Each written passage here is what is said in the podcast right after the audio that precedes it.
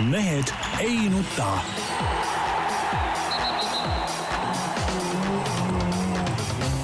mehed ei nuta.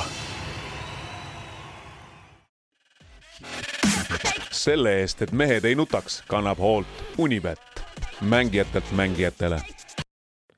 tere teisipäeva, nagu ikka, Mehed ei nuta eetris, siin suurepärases Delfi stuudios Tarmo Paju Delfist, tervist!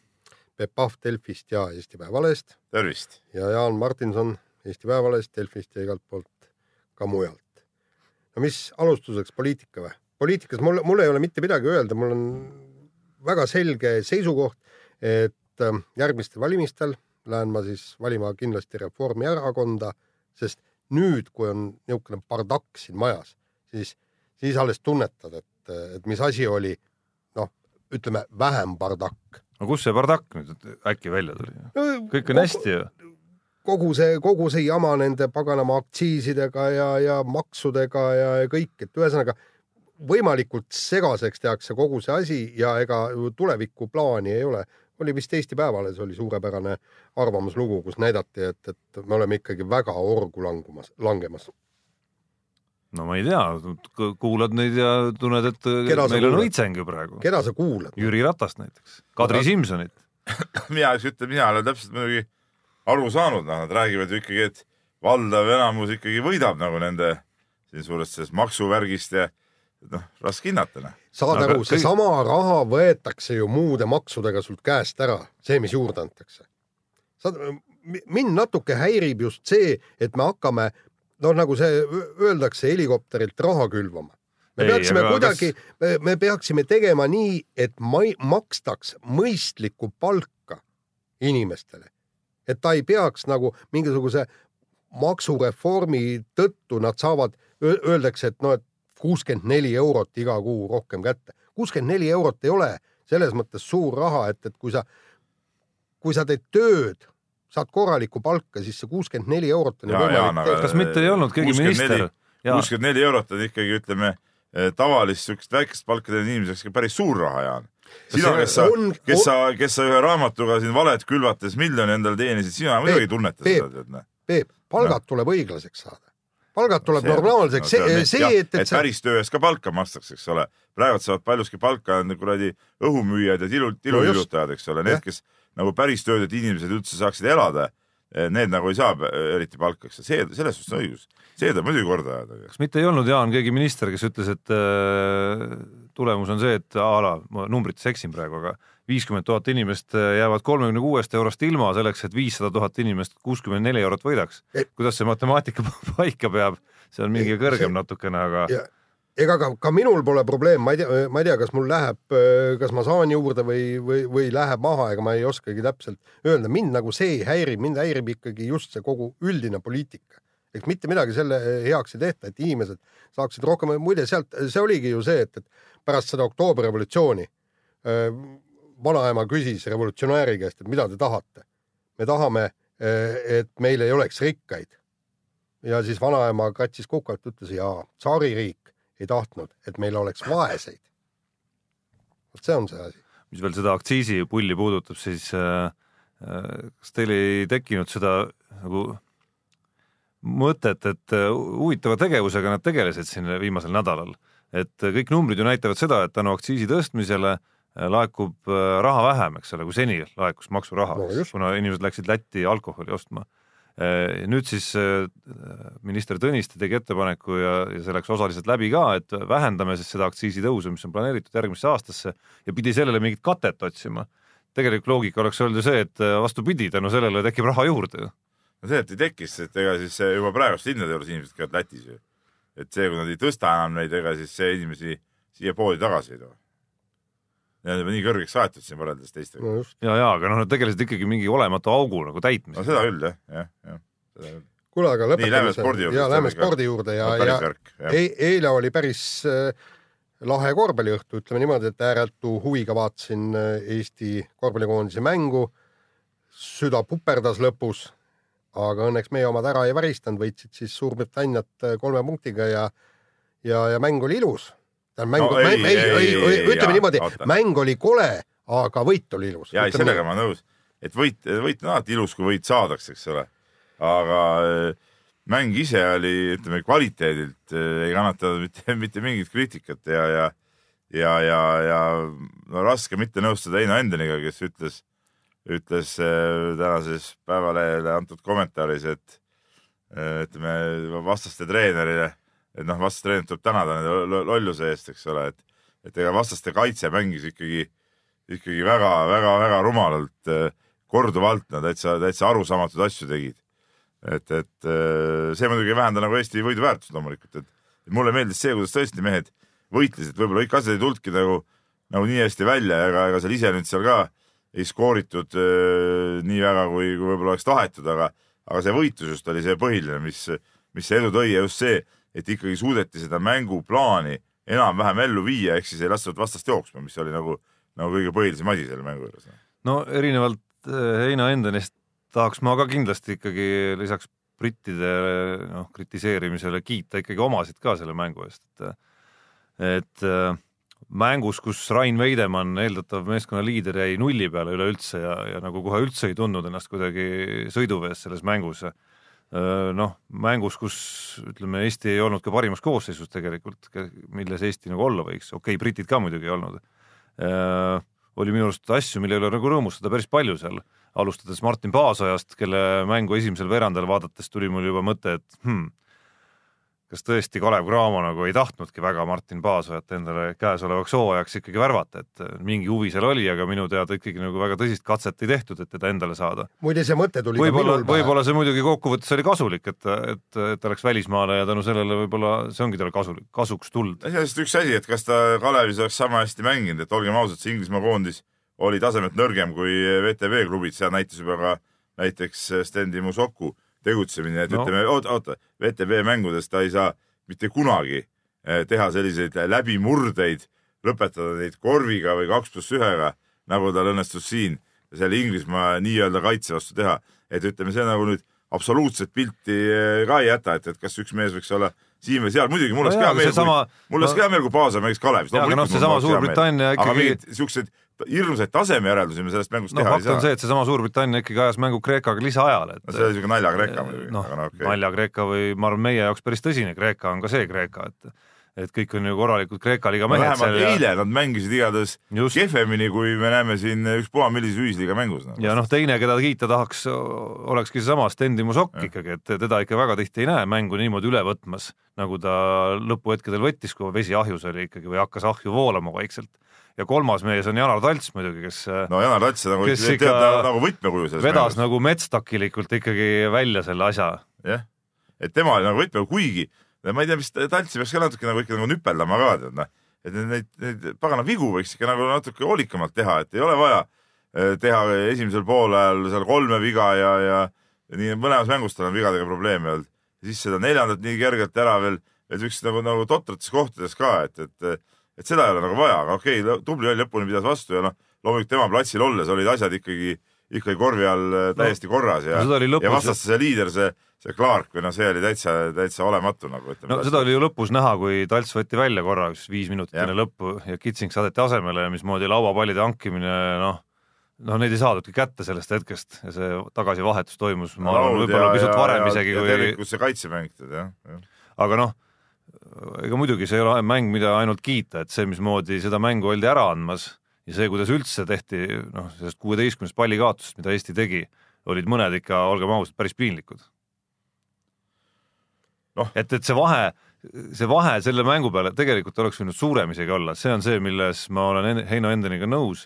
me olime paar korda kümnega ees selles mängus sellest viimasest kümnepunktilisest edust lasime ikka väga lihtsalt vastase tagasi, seal oli Rain Veidemannilt üks nagu eriti loll no viga seal oli nii, et seal oli särgist kinni rabas vastasest. eh, minut ja natuke peale ja kaheksa-null vastastelt. just, ja, ja tegelikult on väga tõenäoline, et me ühel hetkel võime hakata taga nutma neid punkte, mis sealt lõpus ära anti.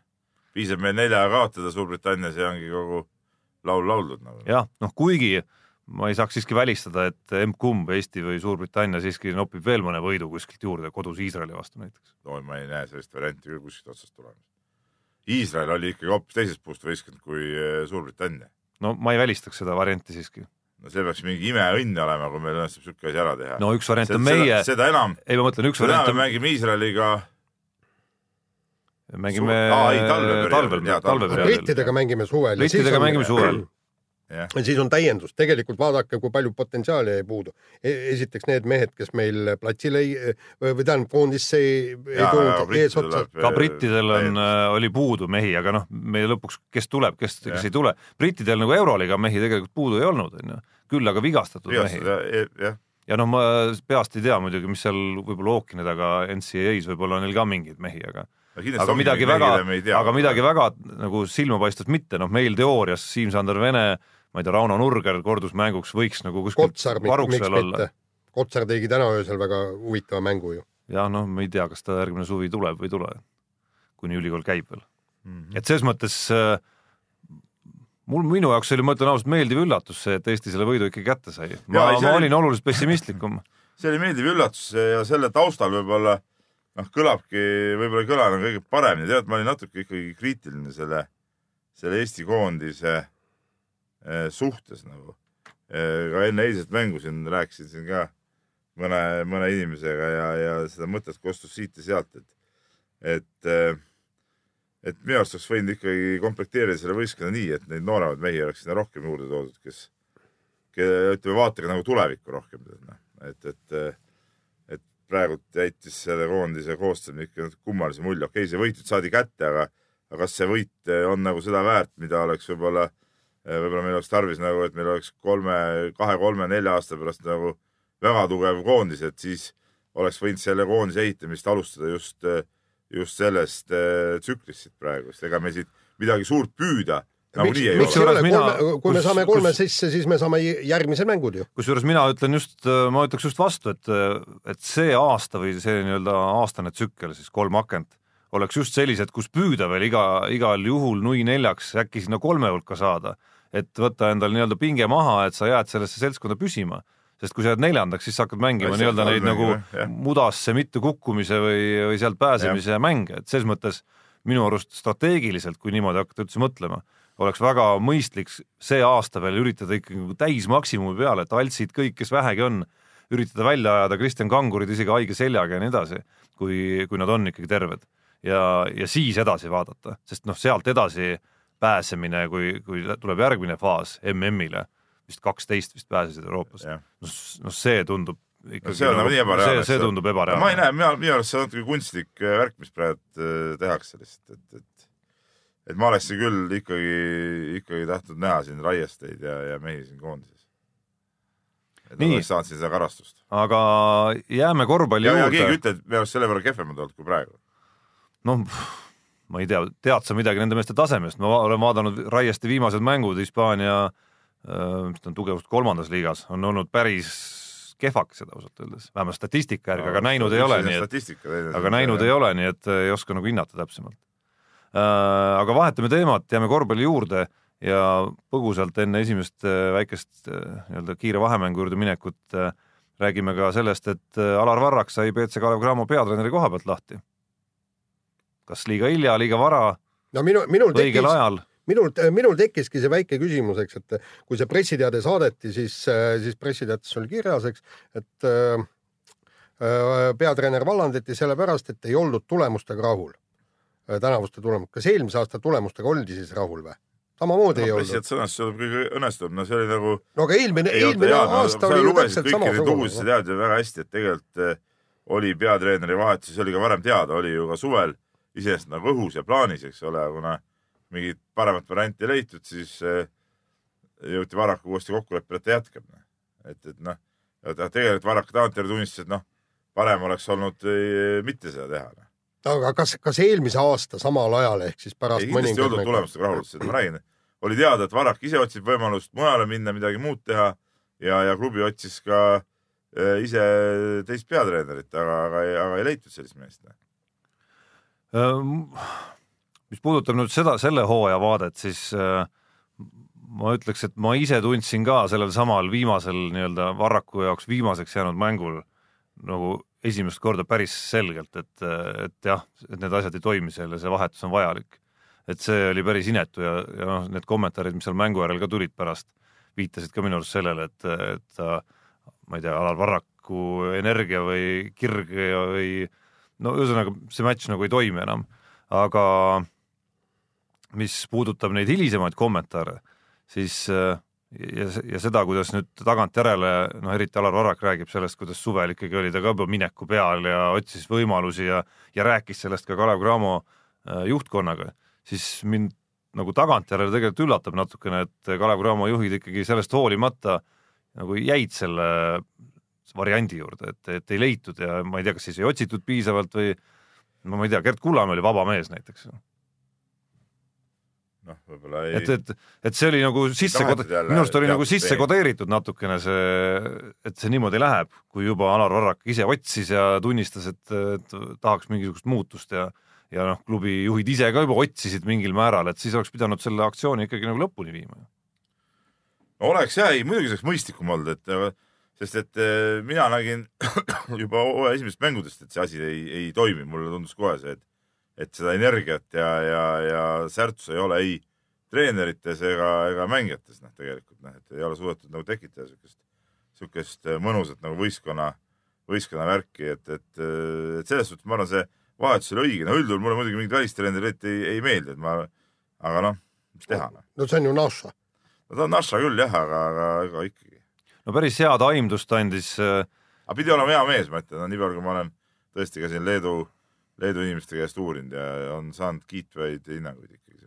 mingit aimdust minu arust andis äh, selle, äh, selle kohta, kuidas asjad nagu ei töötanud enam ka äh, Kalevi füsioterapeudi Priit Lehismetsa äh, intervjuu, mis ta andis siin Postimehele eelmise nädala lõpus, kus ootamatult ja üllatavalt avameelselt ta arutles seal kõikide meeskonna mängijate ja ka treenerite üle, ma saan aru, Alar Varrakuga teda hingeliselt äh, seob nagu niisugune väga tugev side, aga samas minu arust nendes hinnangutes, mis ta mängijatele andis, kumas ka läbi minu arust ju noh, väga selgelt see, mis valesti meeskonnas oli, eriti kus ta rääkis seal sellest uuest ameeriklasest tagamängijast, kes tuli esimeses trennis oli väga tubli ja siis teises trennis nägi, et äh, keegi, kuidas nüüd tsitaat oli, keegi midagi ei ütle, et siis võib lasta siin kuidagi nagu kergemalt ka. et äh, minu arust see lause jäi mulle sellest tekstist kõige eredamalt kuidagi meelde. et asjad lappasid ikkagi. äkki natuke lappasid, jah. aga lähme siis kiire vahemängu juurde kohe alguses räägimegi sellest samast äh, meie endise ajakirjaniku Karl Rinaldo äh, väga huvitavast intervjuust Priit Leismetsaga ja Leismets siis lahkas natukene kõiki mängijaid ja Janar Jõesaare kohta ütles ta nii, et mees teeb täpselt nii palju trenni, kuni kell kukub. ta või, võiks kasvõi kümme või kakskümmend minutit veelgi visata pärast treeningut, aga ei. et mehel on annet, aga töötahe null. et kurb kuulda tegelikult. nii paraku on noh, et, et et see võib olla üks põhjus, miks Jõesaarel ei ole õnnestunud ikkagi tõelist läbilööki, lööki teha, noh ta noorena noh, oli väga perspektiivikas, loodati tast palju, käis äh, Ameerikas, tuli sealt tagasi. noh, ei ole seda tulnud, okei okay,, jah, ta on teinud siin see hooaeg äh, ühisliigas küll mõned ilusad mängud, aga, aga ütleme sellist äh, raginal läbimurret äh, ei ole tulnud ja ta ei ole enam mingi kaheksateist, üheksateist aastane mängija, et, et see noh, selles vanus nagu tema on, nagu peaks olema oma nii-öelda parimas eas. Ja natuke oli kurb lugeda seda, mis seal salata, et et äh, olemata nii näpupidi asja juures, siis äh, eemalt vaadates see, et ta tuli Tartusse ja, ja seal tegelikult vähemalt hooaja esimese poole mängis väga hästi ja füüsiliselt äh, oli hoopis paremas vormis kui see, mis ta oli siin oma vahepealsete seikluste jooksul. ja nüüd ka Kalevis hooaega tegelikult mänguliselt ju hästi alustades kuskil, kuskil kuklas oli nagu lootus, et, et mees on võib-olla ka nagu hulluks trennimeheks hakanud, aga vähemalt äh, Priit Lehismetsa mulje järgi see nii ei ole, et kui sealt samast loost võis lugeda, et Gregor Arbet kolmekümne neljaselt oma valutavate kontidega igal vabal päeval käib kuskil Mustamäe Siili palliklubi saalis äh, selle viskemasinaga visketrenni tegemas, siis siis pluss midagi. pluss ta käib jõusaalis spetsharjutusi tegemas. jah, et siis on midagi ikkagi nagu valesti, et üle tihti meil need noored, vähemalt füüsiliselt andekad, avastavad kuskil noh, kahjuks üsna hilja seda, et võiks, võiks nagu rohkem endaga tegeleda. mitte see, see ei käi Gregor Arbeti kohta, aga. ei muidugi jah. et noh, nii on paraku, ega see on see noor, noorte põlvkond. pupujukud natuke no kuigi seal on ka erinevaid mehi tegelikult. noh, palju neid töömehi seal noortekogus ikka nii väga on? sul ei ole ka ühtegi või? no ega mul nüüd, ma ei saa öelda, et mul oleks mõnda siukest venda, kes eh, pall kaenlas käiks eh, mööda kooli ringi ja põrgataks eh, koridoris. ei ole sellist meest. ja, ja kusju- kusjuures kõik see, et, et tee natukene rohkem tööd, sa jõuad järgmisele tasemele, sa teenid märgatavalt rohkem palka ja kõik, eks. teine mees, kes on andetu, andke ta ja meeletu töömees, andke talle see no võimalus. töömees Kotsar siiski meenub näiteks, kui nüüd nagu rääkima hakata siin nimedest. noh, loodame, et kuhugi jõuab ka veel. aga vahetame teemat. Laskesuusakoondis Indrek Tobreluts äh, on kasvatanud endale vuntsid ja ajab need maha alles siis, kui keegi hoolealustest saab MK-sarja punkte. mul on Toblerust natuke kahju. mul on Tobreluts kahju, kas, kas Tobreluts on äh, naisemees ju ka, No eks? mul on üks temast kõige rohkem kahju. jah, mispärast, noh? taluma sellist õudust. no vaatame seda Jaani, eks ole, eks ole, no ma ei, ma ei väga tea, kuidas, šarmantne mees, mis tal viga on? ma ei tea, kuidas naine sinuga musi teeb seal, need õllevahused ja. Selles vanuses ma ei tea, kas enam ei ole see teema. vuntsid, eks ole, sinna sisse sukelduda. no aga kuna Dobreluts ütleb, et ta enne nagu ei üldse maha ei aja ega ei piira neid, no ma ei tea, lootust MK-sarja punktidele saada, noh, okei okay,, las see usk sihuke ala, kus võib vahest õnneks minna, paned nulliga ja nühid ennast seal neljakümnendale kohale ära kuidagi, eks ole, noh, eestlaste sõidukiirust arvestades. aga, aga noh, päris riski business nagu. aga kusjuures äge ikkagi, ma arvan, et, et ne- umbes kolme aasta pärast on ikka võimsad niisugused Tarass Bulba mu- vuntsid, mis ripuvad umbes põlvedeni ja vend käib ringi. See eestlased jumal- ikkagi MK-sarjas ikka saab punkte, et iga hooaeg siis. no ja lihtsalt äh, ei saa välistada, et see, aga see ei pruugi nii et see minna. lubadus paneb just pinge peale seal Jah. kõikidele ja, ja kuidagimoodi ei taha see punkt tulema hakata. no see Ei, oli aga- Johanna Talihärm ütles, et päris õudne pidi välja nägema, et noh, see ongi kõik hakkavad kaasa elama, et noh, saaks, saaks nagu meest jälle inimese teha, aga no ei, ei, ei õnnestu. ei, aga samas jälle hakkavad mõtlema, et jumalast kihvt on vaadata, kui vend kõnnib ja, ja su vuntsid jäävad jalge alla. spetsiaalselt ei jõua neljakümne hulka, Need saab siduda kuidagi ka, kukla peale, kuidagi ei siiski. muidugi kindlasti saab, kindlasti saab. patsiks ja ma ei tea, mida teha. nii, aga tohva pime, vaat kus sime tahaks öelda küll selle peale. Eesti koondise korvpallur Sten Olmre on siis avaldanud luulekogu Planeet Orjus. No ma ei oska nagu ütelda, ma ei sa luuletusi ma ei ei ole nagu luulespetsialist, ma ei taha nagu siin nagu ütelda head ega halba, ma ütlen nii, et, et kui mees on tegelenud nagu loominguga, siis see on äh, iseenesest muidugi nagu kiiduväärt, et noh.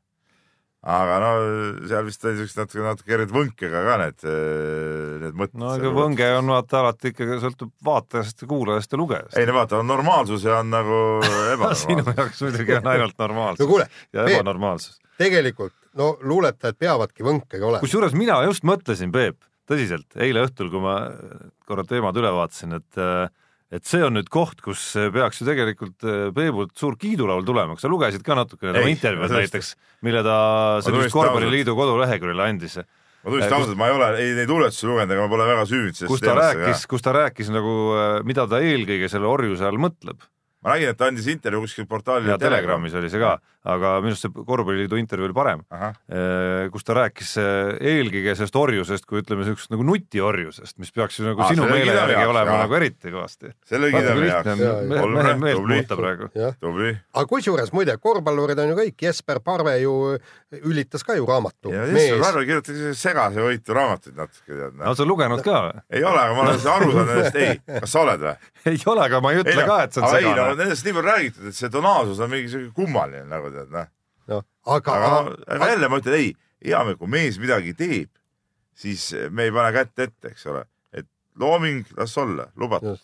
ja, ja, ja kusjuures nüüd ootaks nii võrkpalluritelt kui ka kas jalgpalluritelt, on midagi vastu panna? kas on midagi vastu panna, olete te ka sama kultuursed, jah. näidake. Kuigi kuigi Aivar Pohlak muide meil on ei, Dixon no- ka veel, eks ole, kossumeestele ette panna. siit tuli taas hea näide Kuigi, kor, poh- korvpall on nagu ikka intelligentne mäng, vaata ja intelligentide mõttemäng, noh, jalgpallis on siuke pööbli puterdamine. no Pohlak üksi hoiab nagu lippu kuidagi. ja Pohlak on ju lasteraamatuid ja Pohlak on. tubli. aga no vot, see ongi, et noh, tal on nagu liiga suur koorem kanda üksinda. Ei ole nagu abi ei ole. kuigi jalkaringkonnas ka mingid Vaapo vaherid ja on siukest loomeintelligentsi on seal nagu asja läheduses olnud küll, et noh, omal ajal. no nemad ei loe. okei Jah., no nad on kõigepealt olnud ikkagi ajakirjanikud, kirjanikud, ja, siis pärast on kuidagi nagu mingi jalgpallipisiku saanud, aga näe, Olmer on olnud nagu kossumees ja siis on saanud nagu ka kuskil keegi on ilmutanud talle ennast ja, ja on tulnud nagu siuke lugu, miks ka mitte. nii, kusjuures mul tuli veel Aa. meelde see üks seik kusjuures meelde, mida ma olen, millest ma olen libisenud üle siin mitmes saates praegu nii, eh, lubamatult. et kui sellest eh, Sten Olmre orjusest veel rääkida, siis ta kirjutas selle pikast eh, nii-öelda nutiorjusest ja ka Facebooki, Instagrami orjusest ja nüüd Peep sai aru muidugi, kuhu, kuhu see jutt tüürib. nimelt Peep, uskuge mitte, mees, kes on nagu kogu progressi vastane, mis üldse siin planeedil nagu toimub kogu aeg, eriti tehnoloogia vallas, on vahepeal saanud Instagrami kasutajaks. ei, sina jälle, aga see on jälle vale. kuidas Peep selline asi sai juhtuda? nüüd ma pean rääkima, see on lausvale, mida Tarmo Paju siin praegu levitab. kas on sul telefonis Instagrami äpp või ei ole? on, kas sa oled avanud selle olen, ja oled postitanud sealt? ei ole, miks? sellepärast et see on mul ainult selleks. ei, miks Oota., sul ei õnnestunud lihtsalt? ei, ei, ei, ei, mul ei ole vajadust selleks. ei, minu teada sa Nii, proovisid see siiski minu teada sa proovisid, aga see ei see õnnestunud. ei ole, ütleme minu Instagram, lepime selle kohe kokku. see on Delfi sporditoimetuse oma, ütleme nii, vaata, ma olen sihuke avara vaatega toimetusjuhataja, eks ole.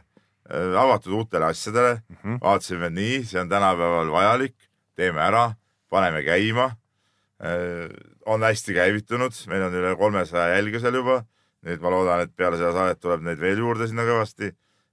noored usinasti toimetavad, seega mina ainult kontrollin mina ainult kontrollin, kuidas asi käib. võib-olla ma mõnikord midagi postitan ka sinna ükskord no. kuidas see looga oli? aga, üritasid aga postitada ei ole ükskord?, see ei ole nagu minu oma, selles suhtes see oli nagu alati laim ja oma isiklikku Instagrami ma kindlasti, mul on Twitter, sa tead. Twitterit ma jälgin äh, väga usinasti, see on väga hea asi. Instagram jääb minu jaoks tegelikult oma olemuselt natuke nagu segaseks ja on iseenesest nagu ajuvaba tegelikult.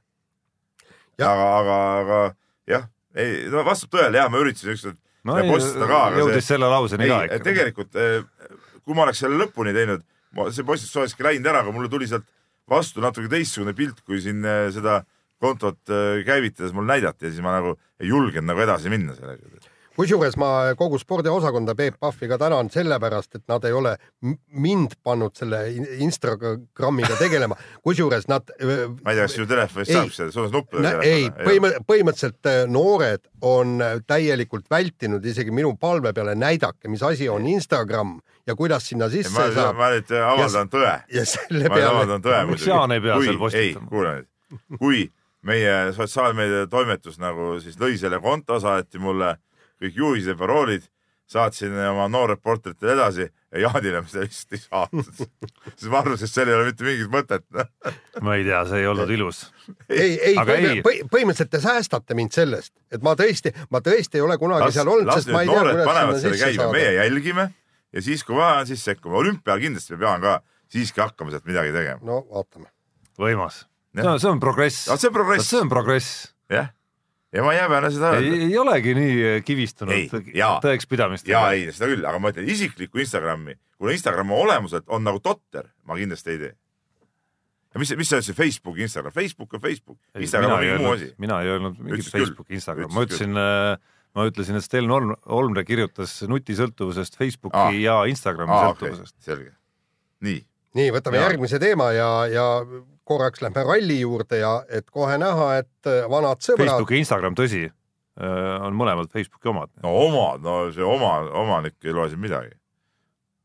nii Nii., nii, äh, M-spordi boss Malcolm Wilson põhimõtteliselt ei luba Ott Tänakul istuda Toyotasse ja seda testida enne järgmise aasta algust, siis kui lõpeb leping M-spordiga väga. õige asi ju, väga õige. ta, ta ei ole õige, aga Ei, on õige. Wilsoni Jaan, poolt on vaadates, on Wilsoni ei, poolt poolt vaadates vaadates, see on ju loogiline Ei ole. tegelikult, noh.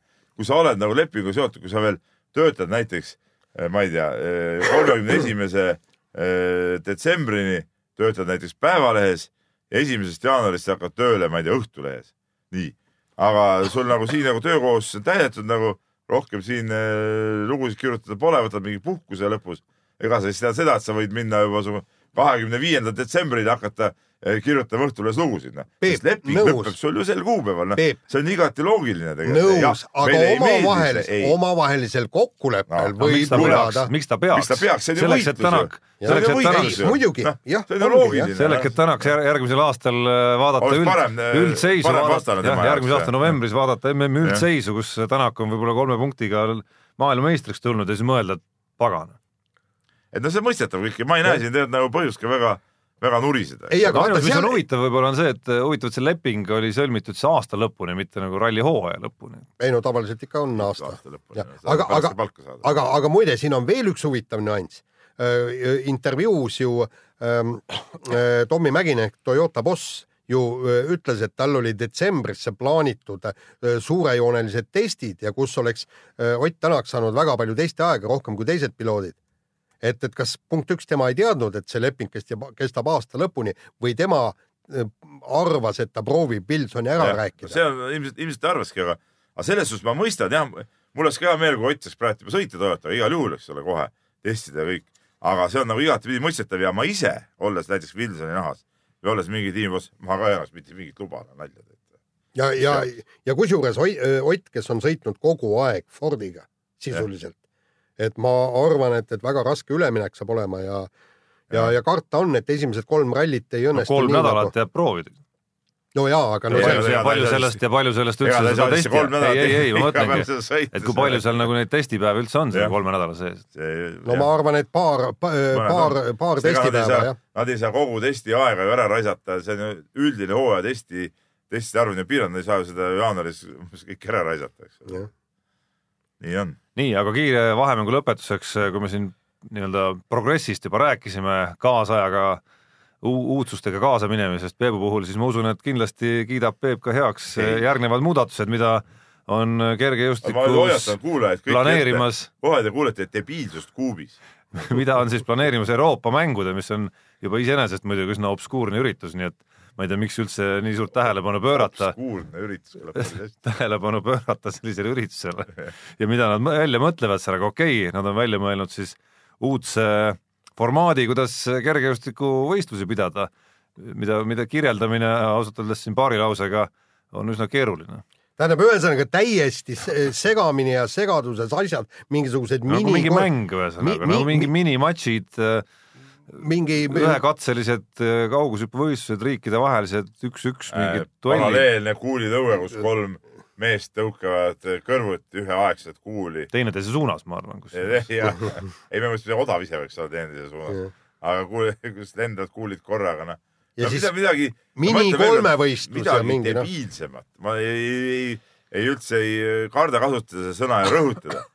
debiilsemat ei saa välja mõtelda. jah, ja, ja lõpuks see on siis nagu spordi, spordi solkimise ülim tase ja ja, ja kusjuures finaal pidi siis olema kogu selle eelmise tsirkus, tsirkuseetenduse järgi pannakse Kuldersoni meetodil jooksmine. jah, ja kusjuures niimoodi, et, et erinevad distantsid, aga ise sa võid valida, kas jooksed esialgu sada meetrit ja pärast mingi nelisada meetrit või, või vastupidi, tähendab ühesõnaga täiesti kaootiline jama tuleb sellest.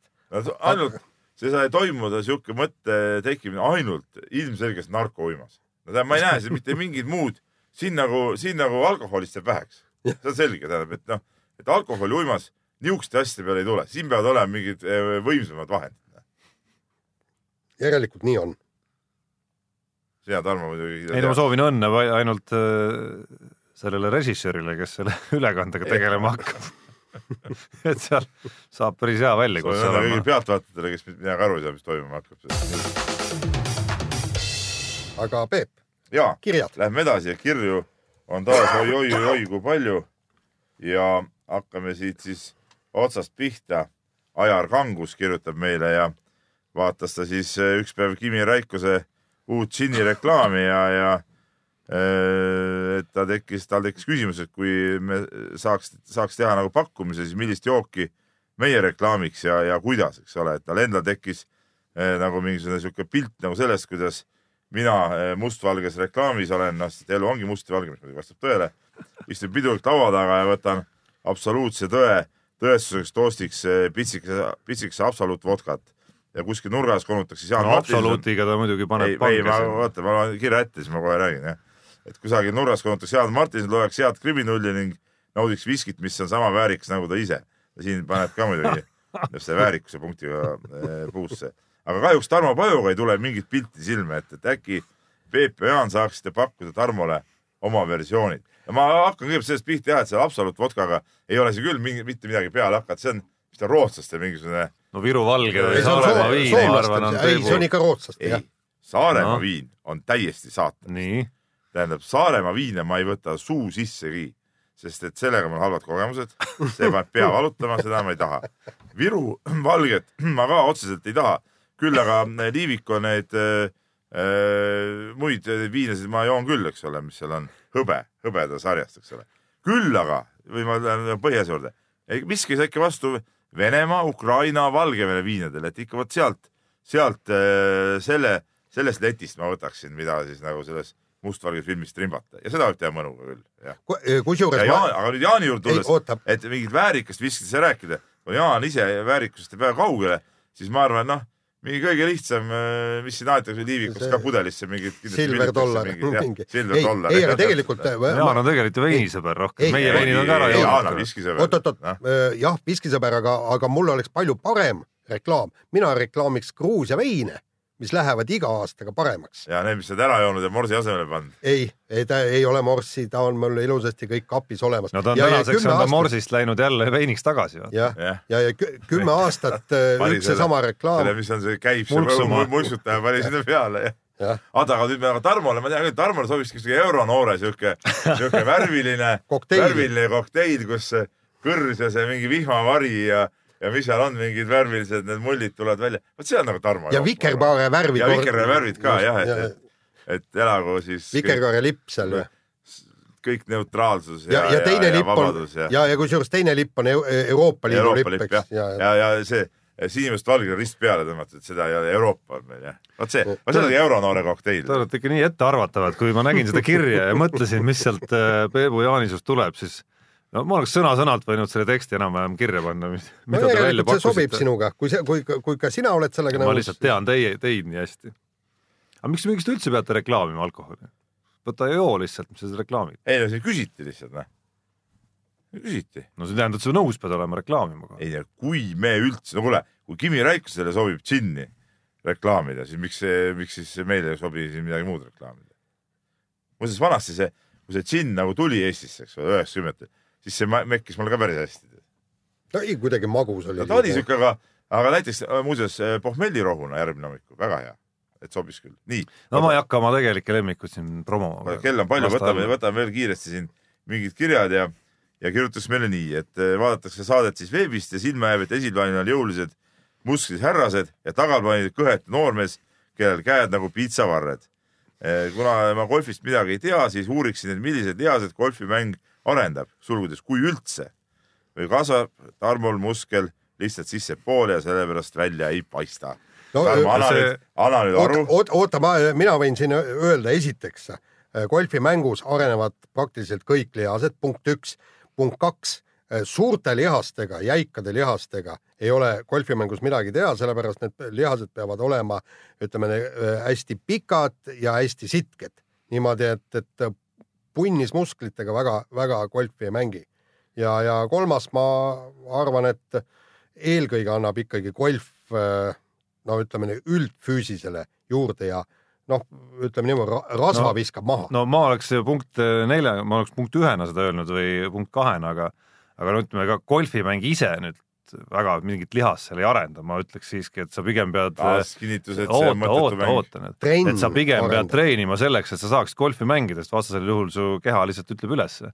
noh, eriti alaselg ja küljelihased ja midagi sellist, aga aga punkt üks, punkt üks tegelikult, mis ma oleks tahtnud öelda, et kui me siin imetleme mõnikord pühapäeva õhtuti, kuidas näosaates mingisugused äh, supermoondumised kõik käivad, siis see moondumine, kuidas on suutnud Jaan ja Peep jätta mulje, et see kõrge rasvaprotsent on tegelikult neil kõva lihas. See läheb muidugi, see läheb nagu siukse muutumissaate muidugi nagu ajaloo esimesele kohale. see võimas power. nii, kirju tõesti palju, aga ühe kirja ma tahaks võtta, me rohkem lihtsalt ei jõua, minu arust see küsimus on nagu huvitav. Ja, ja KR kirjutab meile ja, ja et räägime siin pidevalt uute alade võtmist olümpial ja olümpia kaasajastamisest. Ja, ja ta küsimus on selline, et, et kas on mingisugune võimalus, et motosport jõuaks olümpiale, et ei ole siis vahet, kas vormel, krossisõit, speedway, autoralli või, või midagi sellist. et äh, no tähendab mis, sellest? no mina isiklikult arvan, et ei, ei ole, minu meelest on neil reegel on äh, kuidagi olemas see, see, et, et äh, olümpiaalal peab toimuma noh, mingi liikumine, midagi lihaste jõul. aga purjetamises? no seal on ikkagi seda purje seada ja No jaa, kõik. aga- natuke rooli keerata Kui sa seda gaasi ei, vajutada ja ma- ega motikas, kui sa ilma lihaseid ei rakenda, siis motikaga sa kuskile ei sõida. Jaa., motokrossis näiteks Aga-, aga ei- ülitugevad vennad aga, aga ei, seal, seal mingisugune punkt oli, et miks mootorisport ei, ei saa öö, olümpiale, see oli mingi, see on täpselt samamoodi nagu taliolümpiale võiks ju male olla, aga, aga nagu seal öeldakse, võistlemine peab toimuma kas lumel või jääl. no see põhjus jah, ma siin kiire guugeldamise tegin, et äh, on välja toodud jah, et ikkagi äh, tähtsam peab olema atleet, mitte tema varustus. kuigi ratsutamine. ei no aga siin on ju see, no seal ei no, ratsutamist saab hobune ka ju mingisuguse autasu ikkagi. ei no ei, ei kuule, hobusele siin kirja, kirjakirjutaja pakub ka välja, eks ole, et äh, võiks olla masinad piiratud äh, nagu purjetamisel, et, et on kindlad parameetrid, millele saab järgi tohib masinaid ehitada ja nii edasi. nagu hobikardirajal põhimõtteliselt. no näiteks, jah. samamoodi tõesti seesama ratsutamine, kas siis kõik hobused on absoluutselt äh, ühe võimekusega, ei ole ju. ma arvan, et autospordil ei ole absoluutselt vaja ka sinna olümpiani Ei,, see on tegelikult pseudoteema üsna. ei no seda küll, aga huvitav minu arust see väga huvitav küsimus ja ma selle huvitav küsimus veel, ma kindlasti luban, ma võtan järgmises saates mõned äh, küsimused ka sellest, mis praegu teid aga kus sul kiire on kuskil? meil on kiire tõesti, sest kell on juba nelikümmend kaks ja lähme, meil on see huvitavad teemad, millest on vaja palju rääkida, saade ei tohi üle tunni aja kesta, Urmo Soonvad ei luba. Nii. nii, aga paneme siis kohe edasi ja räägime öö, suurepärasest tennisematšist öö, Anett Kontaveidi ja Kaia Kanepi vahel, mis öö, Saku Suurhallis toimus. olin ise kohal ja tegelikult oli jube kihvt oli vaadata head, tõsist, korralikku naiste tipptennist no hästi lähedalt nina vastu nina ja, ja mul oli alguses väike pelg, et, et, et neiud ehk äh, hakkavad liiga palju show'd tegema, et, et see mäng ei kujune tõsiseks, aga tegelikult oli ikka päris tõsine andmine. Ja, ja oma osa andsid ka pealtvaatajad, kes äh, oma vahel, vahelõigetega, okei okay,, no ütleme niimoodi, et tennise vaatamise kultuuri meil väga ei ole selle matši põhjal, sest seal tõesti vales kohas karjuti ja kõik, eks, aga, aga, aga kindlalt olid nii ühel kui te- teisel oma tergutajad ja, ja nad andsid nagu selle power'it mõlemale juurde. Ma ei tea, kust sul see pelg üldse tuli, et see ei tule tõsine mäng, et minu arust kõik need jutud, mis seal enne oli, et see saab mingi show olema, ei tundunud mulle nagu eriti tõsiseltvõetavad, sest ei Anett Kontaveit ega Kaia Kanep ei tundu mulle eriti tüübid, kes tahaks väga mingit pulli tulla tegema või kes üldse oleks mingisugused Ei. nagu suured naljaninad lihtsalt ja hakkaks nagu- seal mingit tri... ei, Nagu nagu päris trikitama. võistlus, et selles, selle, selle tõttu võis see hirm nagu tekkida. ja, ja, ja ma ei mõtle, et nad, nad hakkavad seal kuskil jalga, jalge vahelt lööke tegema ja mingit nihukest show'd tegema, eks, aga, aga lihtsalt, et lepivad kokku, et mängime rahulikult ja vaatame, mis edasi no saab. ma ei kujuta seda hästi ette, ma arvan, et raskem on mängida, ma arvan, niimoodi on palju raskem mängida, kui tõsiselt võidu peale mängida ja ja nende natuuri, eriti Anett Kontaveiti vaadates selle mängu ajal, oli ka selge minu arust nagu ka tagantjärele vaadates, et sealt ei saa mingisugust nalja tulla, sest äh, Anett Kontaveidi olekust oli näha nagu ikka eriti hästi, et äh, ta nagu noorema ja praegu nii-öelda siis kõrgemal oleva tennisistina ikka kohe väga tahtis seda mängu võita, võib-olla natuke liiga palju isegi, et et Kaia Kanepi tundus, et suutis natukene nagu rahulikumalt võtta ja tal noh, võib-olla oli kaotada vähem ja võib-olla ta võtabki praeguses karjäärifaasis kõiki asju palju rahulikumalt, et et minu arust Anett natuke nagu närveldas võib-olla üle isegi selles mängus. ja ei, ma ise seda matši küll ei näinud, ma olin muude kohustusega kinni, aga, aga, aga tegelikult eh, ütleme ka Eesti, ütleme siukses, siukseid matše on tegelikult vaja, noh, kuigi vaata, me ei näe ju tegelikult ju Kanepit Kontaveiti noh, peaaegu mitte kunagi normaalses oludes mängima, okei okay,, vahest see Federation Cupi mäng siin, aga noh, seda on ka ju nii harva, eks no ole. järgmine aasta tuleb. ja, ja, ja aga noh, see on, seda on ikkagi arv, arv üksikjuhus ja, ja nende omavahelist võrdlust ju ka ei olnud, eks ole, palju ju räägiti ka ajakirjanduses spekuleeriti, et, et kes on äh, mingis asjas tugevam, kes nõrgem, eks ole. noh, nüüd sai seda kõike ju platsi peal vaadata ja see on nagu, nagu vägev tegelikult noh, et siukseid, siukseid duelle on, on alati, alati hea vaadata. jah, aga, aga nüüd on kahtlus see, et, et ega ma ei usu, et kordusmatši tuleb ja ma ei usu ka, et see Lähi- kordus ei, aga miks ei võiks tulla? aga küsimus on selles, et mitte, mitte kindlasti järgmine aasta, aga siin on küsimus, kaua, kaua Kanepi lihtsalt ma arvan, et mängib. just, miks, miks ei võiks see iga novembrikuine üritus olla? no, no siis ta kaotaks jälle oma võlu. just no aga täpselt, Kaia Kanepi, kaua ta mängib veel, noh. ma arvan, et aasta on hästi pakutud, võib-olla kaks kõige rohkem, et seda kuhugi lükata ka enam ei ole, et kui huvi, rahva huvi ilmselgelt on, kui sponsorite huvi on ka selliseid auhinnarahasid välja käia, siis äh, ma ei näe ühtegi põhjust, miks nad ei peaks olema nõus ise välja tulema. ei, aga vaata, mul on si siit Anett, Anetina ma kindlasti tahaksin revanši. revanši saada, jah. ja aga, aga muidugi siin on nüüd teine küsimus, kui vaadata, kui suur see tennise huvi tegelikult oli, siis, siis oleks viimane aeg nüüd kir-, korraldada ikkagi Eestis üks sajatuhandene turniir ja, ja kus mõlemad nii Ka- Kanepi kui ka Kontaveit mängiksid et, et see saab ju teha rahulikult selles, seal kõrval asuvas tennisekeskuses, kus peaväljak oleks siis äh, Saku Suurhallis, äh. Suurhallis ja ma arvan, okei okay,, nii suurt massi võib-olla ei tule, viis pool tuhat tuli vaatama, aga paar-kolm tuhat oleks äh, ikkagi iga meie oma mängul no kui M-kumb ikka finaali mängiks seal. Ja ei no finaalis selle kindlasti, võiks ja. välja müüa küll juba. ja see finaali müüks no välja saja. tuhandese finaali saada, noh, see on ka omaette. no ei, sada tuhandene nüüd midagi nii üle mõistuse ei No. ole. no Aga see ei ole ka, ei see ei ole ka mingi siuke, et, et nüüd me mõlemad mängivad ja. Ei, kindlasti mitte, muidugi. seda, seda nüüd kindlasti mitte. aga vahetame teemat äh, ja läheme aasta parima sportlast, aasta, ütleme otse välja, EOK lollust. aasta sportlaste valimise juurde. sõber Siim Suklas praegu kuuleb, tervitame. nädala algul tulid välja, ehk siis eile tulid välja äh, rahvahääletuse ankeedid, kui nii võib öelda virtuaalselt. ja hoolimata sellest, et me eelmises saates või oli see üle-eelmises saates rääkisime sellest, tundub, et äh, Siim Suklas ei kuulanud. Ott Tänakut äh, parima meessportlase nii-öelda eelvalikus ei olnud, mis, mis noh, kindlasti mõjutab tema häältesaaki. absoluutselt.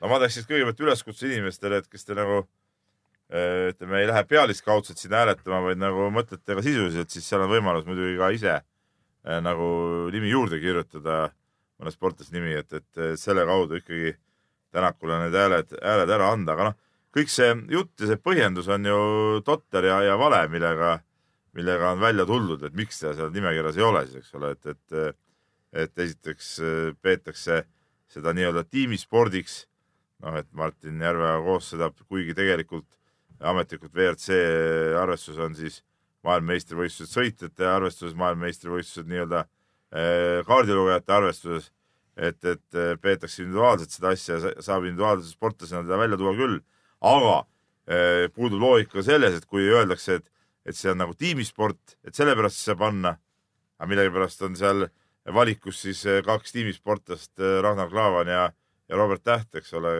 jalgpallur ja võrkpallur, et eh, noh, loogika puudub igasugune.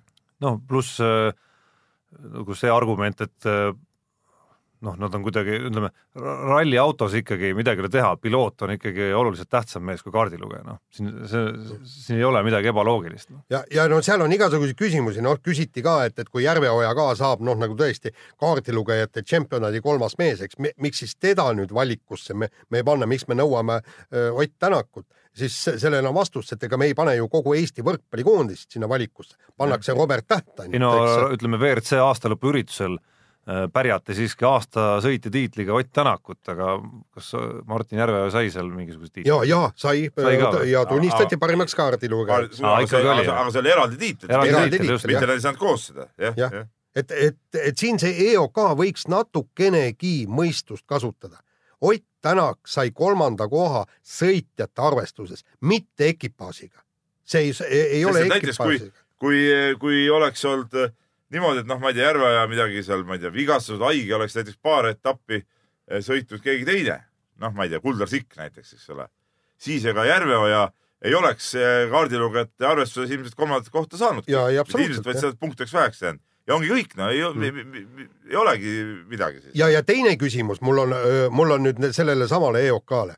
kui tõesti juhtub nii, et äh, Järve või äh, Ott Tänak vahetab hooaja kestel kas üheks, kaheks ralliks või rohkemateks rallideks kaardilube, lugejad, kuidas te siis panete tiimi, millise tiimi, kes te panete, praegu on Ott Tänak, Martin Järveoja. On tiim, kes võistleb äh, tiimide hulgas parima sportlase auhinnale. aga kui on kaks kaardilugejat, millise te panete? ei no kolmas oleks, aga Saaremaa rallil oligi hoopis ju Georg Kross oli kaardilugeja. jah, jah, no see nüüd. Ei. ei vastupidi ei, ma mõtlen, Ott Tänak oli ei, kaardilugeja. jah, jah. ja, ja aga aga, aga siis ei Võiks saa ju noh, kaardi- nagu tiimina panna, siis sa pead ju panema individuaalvõistlejaks selle Ott Tänaku. noh, kolmas oleks on see, et äh, kui Ott ei, mis sa Tänakuga tead rääkisid? Tänak sõitis ja Kross luges kaarti.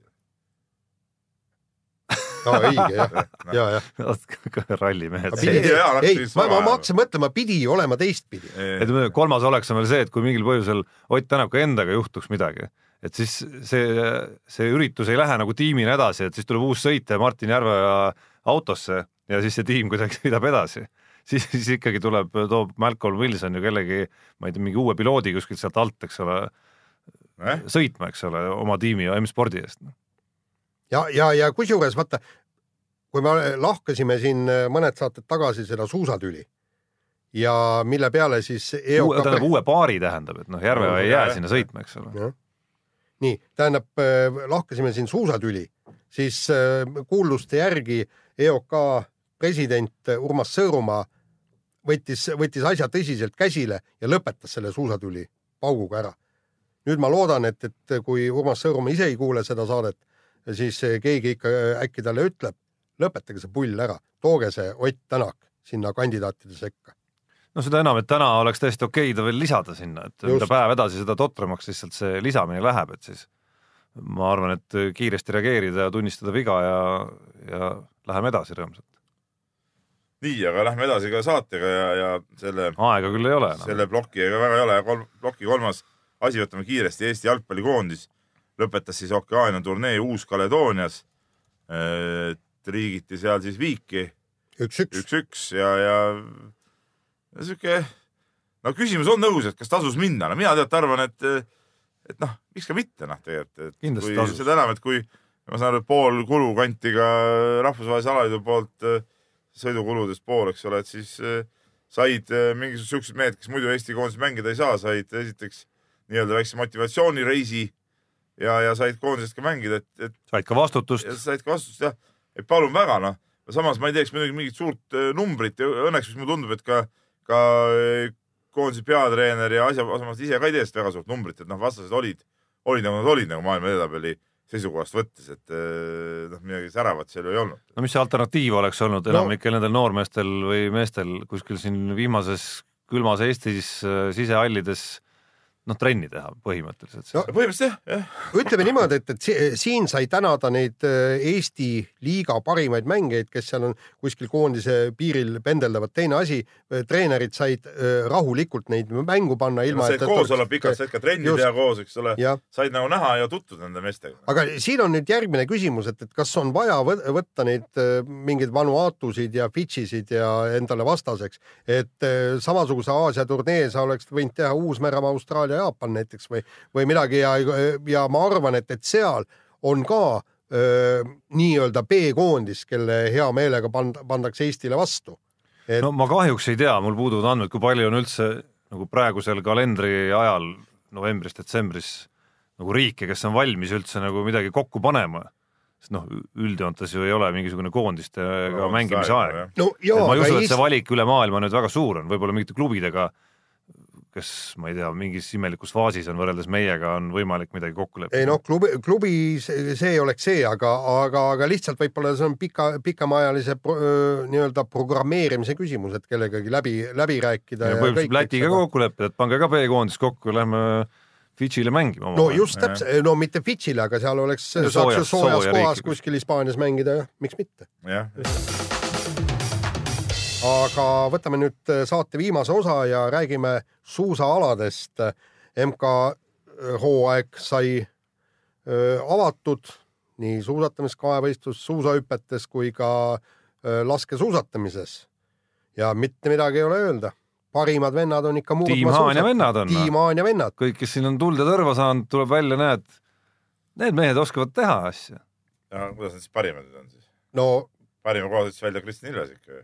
ei, Kristjan Ilves oli kaheteistkümnes, Marko Kilp üheteistkümnes. aa no okei okay, jah, aga, Jah, aga noh, vaatame nii. nüüd järgmised sõidud ka, ütleme Ilves oli veel ühe korra veel kahekümne sees, ühe korra kolmekümne sees, et, et äh, Kilp oli pärast distantsisõidus oli minu arust mingi kaheksakümnes ja, okei ja viimasel etapil üldse peale ei tulnud. ja ütleme niimoodi, et, et see oli natukene irriteerimiseks öeldud, aga, aga tegelikult paraku on praegu nii, et äh, kui üldse kelleltki midagi loota, siis, siis ongi sprinter Marko Kilp sprintides ja Kristjan Ilves siis äh, kahevõistluses, paraku. jah, paraku. no kõige, no kõige huvitavam äh, küsimus enne seda nädalavahetust oli ju vaieldamatult Kristjan Ilves ikkagi, et äh, siin juba kuulasin mingil õhtul raadios intervjuud äh,, oli see Raadio spordisaade või mis iganes, Allar Levandi oli toodud intervjueeritavaks, et nüüd, kus Kelly Sildar on vigastatud, Kristjan Ilves on maalitud justkui Eesti kõige suuremaks olümpialootuseks ja nendest pingetest ja kõigest ja kuhu ta siis jõuda võiks. Kas esikümme või kas kõlas isegi küsimus, kas medal on äh, tõenäoline või oleks täiesti ulme ja kõik, kõik need küsimused käisid sealt läbi tegelikult. et öö, ootus oli päris kõva, et mismoodi siis Kristjan Ilves välja näeb nüüd esimesel etapil. Ja noh, küsimärke jäi natukene üles, peab ütlema. No palju just, jäi, just palju, nagu, palju just nagu sõidu, sõidu osas eelkõige, et et see, millest ta tegi, on tei-, noh, oli selgelt parem kui eelmisel aastal enamikel etappidel oli hüppamine hoopis. aga see, millest ta ei olnud parem praegu, oli suusatamine, kust justkui ta ise lootis, et ta on parem ja tema intervjuudest tuli ka välja, et et lootus oli ikka oluliselt kõrgem, kahjuks me ei saa teada, palju see kukkumine esimesel võistlusel mõjutas tema järgmisi sõite näiteks.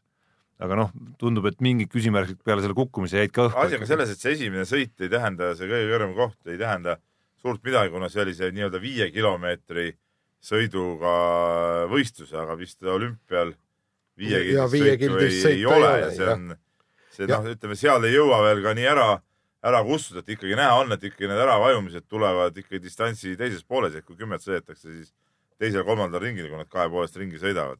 et, et seal, seal tekivad need probleemid, et viie kildi peal see veel nii kõvasti ei võimendu tegelikult. et ma huvi pärast natukene isegi nädalavahetusel teleka ees oli, oli nii-öelda, käed olid vabad, et võtsin arvuti korra välja, vaatasin tema kaotusi ja kohti, suusasõidu kaotusi ja kohti just eelmisel aastal, et et midagi ei ole teha, siin esimesel kolmel sõidul noh, ei olnud ikkagi nagu mingit progressi võrreldes eelmise aastaga. ja paraku ei ole. mina olen ka, kuigi, kuigi kahevõi-, kahevõistlejad ise ütlevad, et, et see ei näita midagi, et, et tuleb neid võrrelda sama nii-öelda sama tüüpi meestega, et, et kes hüppavad hästi ja sõidavad keskmiselt, siis mina olen ikkagi no mingisugune noh, nagu võrdlusmoment peab olema, ma olen alati vaadanud seda, et, et kaotus s- kiiremale mehele se- sellel päeval ja, ja eelmine aasta sai öö, Kristjan Ilves mõnikord isegi alla minuti, nii et, et kõ- kõige kiiremast mehest jäi ta vähem kui minuti kaugusele. Ja nüüd siis oligi mu lootus, et, et äkki kärbiks selle, selle aja nüüd juba kuskil neljakümnendal sekundile. vot see tähendaks juba see, et, et me võiks teinekord mõelda isegi kuidagimoodi poodiumi kohast, eks. aga ei midagi, praegu on gigahüpet muidugi ja aga, aga praegu, praegu tal on pealt, pealt ühe kolmekümne kaotab kiiremale. jah, üks, mis ta oli, üks nelikümmend seitse oli vist teisel võistlusel ja, ja kolmandal vist oli isegi rohkem. Ei, seal oli vist vähem, üks no kolmkümmend kuskil üheksa või no jah. midagi sinnakanti oli jah, ja ühesõnaga see, seda on, tähendab ikkagi minut on see piir kiiremale vennale minutiga, kuigi okei okay,, seal on teatud asjad, eks, et, et kui sina teed nagu nii-öelda taktikasõitu, sa oled kuskil grupi sees, eks, ja kuskilt tagant tuleb mõni vend täie hooga, aga mingisuguse pildi see siiski annab. nii, aga, aga noh, ütleme niimoodi, et eh, kui siit nüüd edasi vaadata, siis, siis minu meelest ikkagi eh, Eesti Suusaliit peaks väga tõsiselt nüüd mõtlema pärast seda eh, Marko Kilbi sõitu. E- elus esimest korda sõitis poolfinaali ja kusjuures võitles ennast poolfinaalis esimeseks väga hea sõiduga.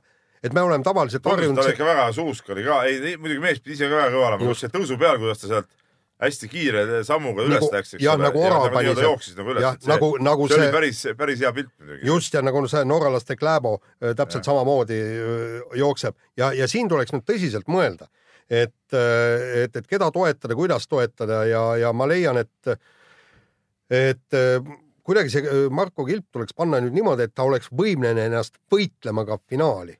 talle tuleks tekitada eristaatus, erivõimalused nagu noh, sest ta ongi reaalselt ainuke vend ja minu arust peakski panema kogu panuse talle, kuigi eh, ma natuke olen ikka ettevaatlik, sest et ka varasematel hooaegadel on Kilp esimesel etapil olnud tubli, pärast on olnud äravajumisi, tahaksin näha, mis saab järgmistel etappidel, aga kui ta suudab seda taset hoida, siis ma ütlen veelkord, et siis eh, öö, suusaliit ja ka EOK võiksid nagu mõtelda selle peale, et ütleme talle ikkagi tagada suusatajatest nagu teistest, teistega võrreldes natuke kõvemad tingimused. no ja kindlasti ka Kristjan Ilvesel, sest vaata. ja Ilves nagunii, see on nagunii, eks. ja just täpselt, aga, aga, aga si siin ongi, tähendab noh, distantsisõit, et jube tore, eks, et me sõidame kolmekümne neljandale kohale Karel Tammjärve, kõik on jõle vahva.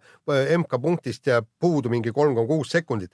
saate aru, me, me, me ei räägi mingist kolmekümnendast kohast, ole me, me, me, me peame ikkagi vaatama kohast esikümnes, et see on nüüd see ja, ja, ja sealt nüüd vaadata, kellel on see võimalus sõita esikümnesse, eks. Marko Kilp kindlasti, Kristjan Ilves, no ütleme, kui eh, sõidukiirust tuleb kõvasti parandada, aga võimalus on ikkagi no ma saan aru, et lootus äh, Ilvese puhul on seal ikkagi alles veel, et see ei näidanud tema nagu tegelikku arengut. ja ei no põhimõtteliselt vend ütles, et mootor on korras, noh, tähendab, ütleme niimoodi, et aga, aga mille pär-, millegipärast oli lihashapu ja vot nüüd jällegi su, suusaliit peaks natukene uurima, et äkki tal on millestki puudus, võib-olla tal ei ole taastus, taastusaineid korralikke, kas, kas ta saab korralikult massaaži, kas tal on korralikult füsioterapeut, teeb neid, neid asju, et lihas tuleb korda saada, siis vaatame, millega, kuidas kuidas vend edasi sõidab. aga kiiresti tahaks siia võtta korraks ka laskesuusatamise sisse, kuigi ütleme, individuaaldistantse veel ei toimunud. äh, nädalavahetusel. no sellepärast ma väga Paar... ei, ei, väga ma... sel teemal veel ei, ei ma korraks siiski ikka tahaks arvakski midagi. nagu väikse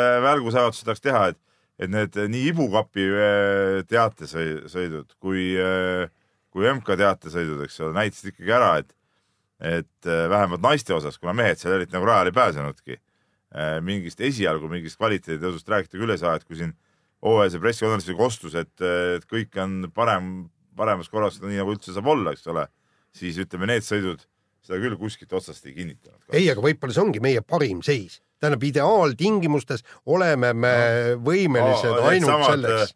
Eh, naised, tüdrukud on ka ise paremini sõitnud, nii et selles suhtes ei, kindlasti ei saa olla ideaalne seis. nii, aga me oleme järgmine nädal, järgmisel teisipäeval märksa targemad laskesuusatajate koha peal. üleüldse targemad elutarkust nädala võrra on juurde tulnud. kas mitte kahevõistluses ka uus etappi tuleb peale? ja tuleb ja, ja suusatamises ka ja sprindis on ka täpselt seesama klassika, et, et vaatame, siis ma loodan, et siis me ei hakka meie suusasportlasi tampima, et pagan küll, mida te kõik siin teete. nii, sellega on saade läbi ja kuulake meid järgmine teisipäev. mehed ei nuta.